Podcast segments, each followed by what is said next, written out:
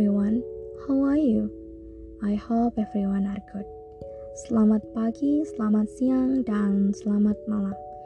Welcome to Della Podcast. By the way, ini first time banget aku bikin podcast kayak gini. Semoga kalian enjoy buat beberapa menit ke depan bareng aku. So, kalau kalian penasaran, keep it on listening. First, let me introduce myself. Nama aku Retri Della Puspita. Biasa dipanggil Della atau beberapa orang panggil Retri juga. Oke, okay, next. Aku mahasiswa baru di Institut Teknologi Sumatera dengan program studi Teknik Informatika. Di sini aku mau sharing beberapa pengalaman dan juga future plan aku buat mencapai goals dan dream aku di kampus ini. Sedikit cerita, aku lolos pada jalur SBMPTN pada pilihan kedua. Sebelum itu, aku punya mimpi bisa kuliah dengan program studi sastra, terutama sastra Inggris. Tetapi aku adalah siswa jurusan IPA dan notabene itu sudah bukan basic aku di SMA. Aku sudah coba beberapa ujian mandiri untuk mendapatkan program studi impianku itu, tetapi masih belum lolos. Sempat frustasi dan sedih, tetapi aku nggak nyerah sampai di situ aja. Dan pada akhirnya, Tuhan kasih aku jalan lain yang baru aku sadari ternyata banyak sekali benefitnya di hidup aku. Artinya, aku bisa ketemu kalian, bisa belajar teknik informatika, dan masih bisa belajar tentang bahasa dan sastra Inggris juga di luar kampusku. Seperti pepatah bukan? Mati satu, tumbuh seribu. Next, aku mau sharing about future plan aku untuk mencapai dream dan goals aku di kampus. For your information, aku suka banget ngatur dan membagi plan aku Biasanya aku membaginya jadi dua bagian, yaitu short term dan long term, atau bisa kita bilang rencana jangka pendek dan rencana jangka panjang. Oke, okay, next untuk short term atau rencana jangka pendek, yang pertama aku pengen ikut organisasi dan juga join kepanitiaan.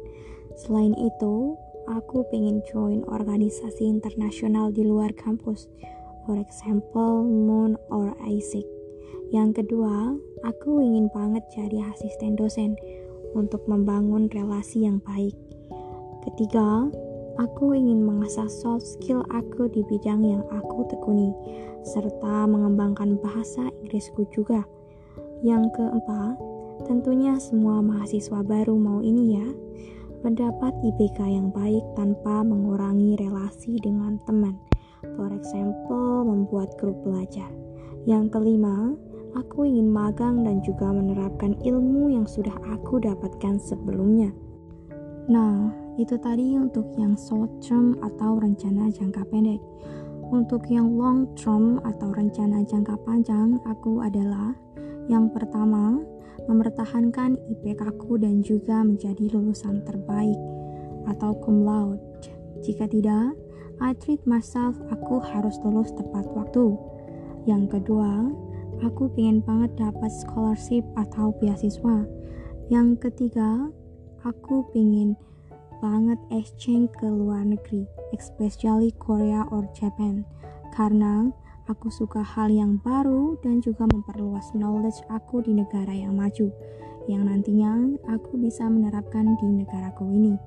Yang keempat, setelah lulus, aku ingin sekali membuat startupku sendiri dan menciptakan banyak lapangan pekerjaan untuk orang Indonesia.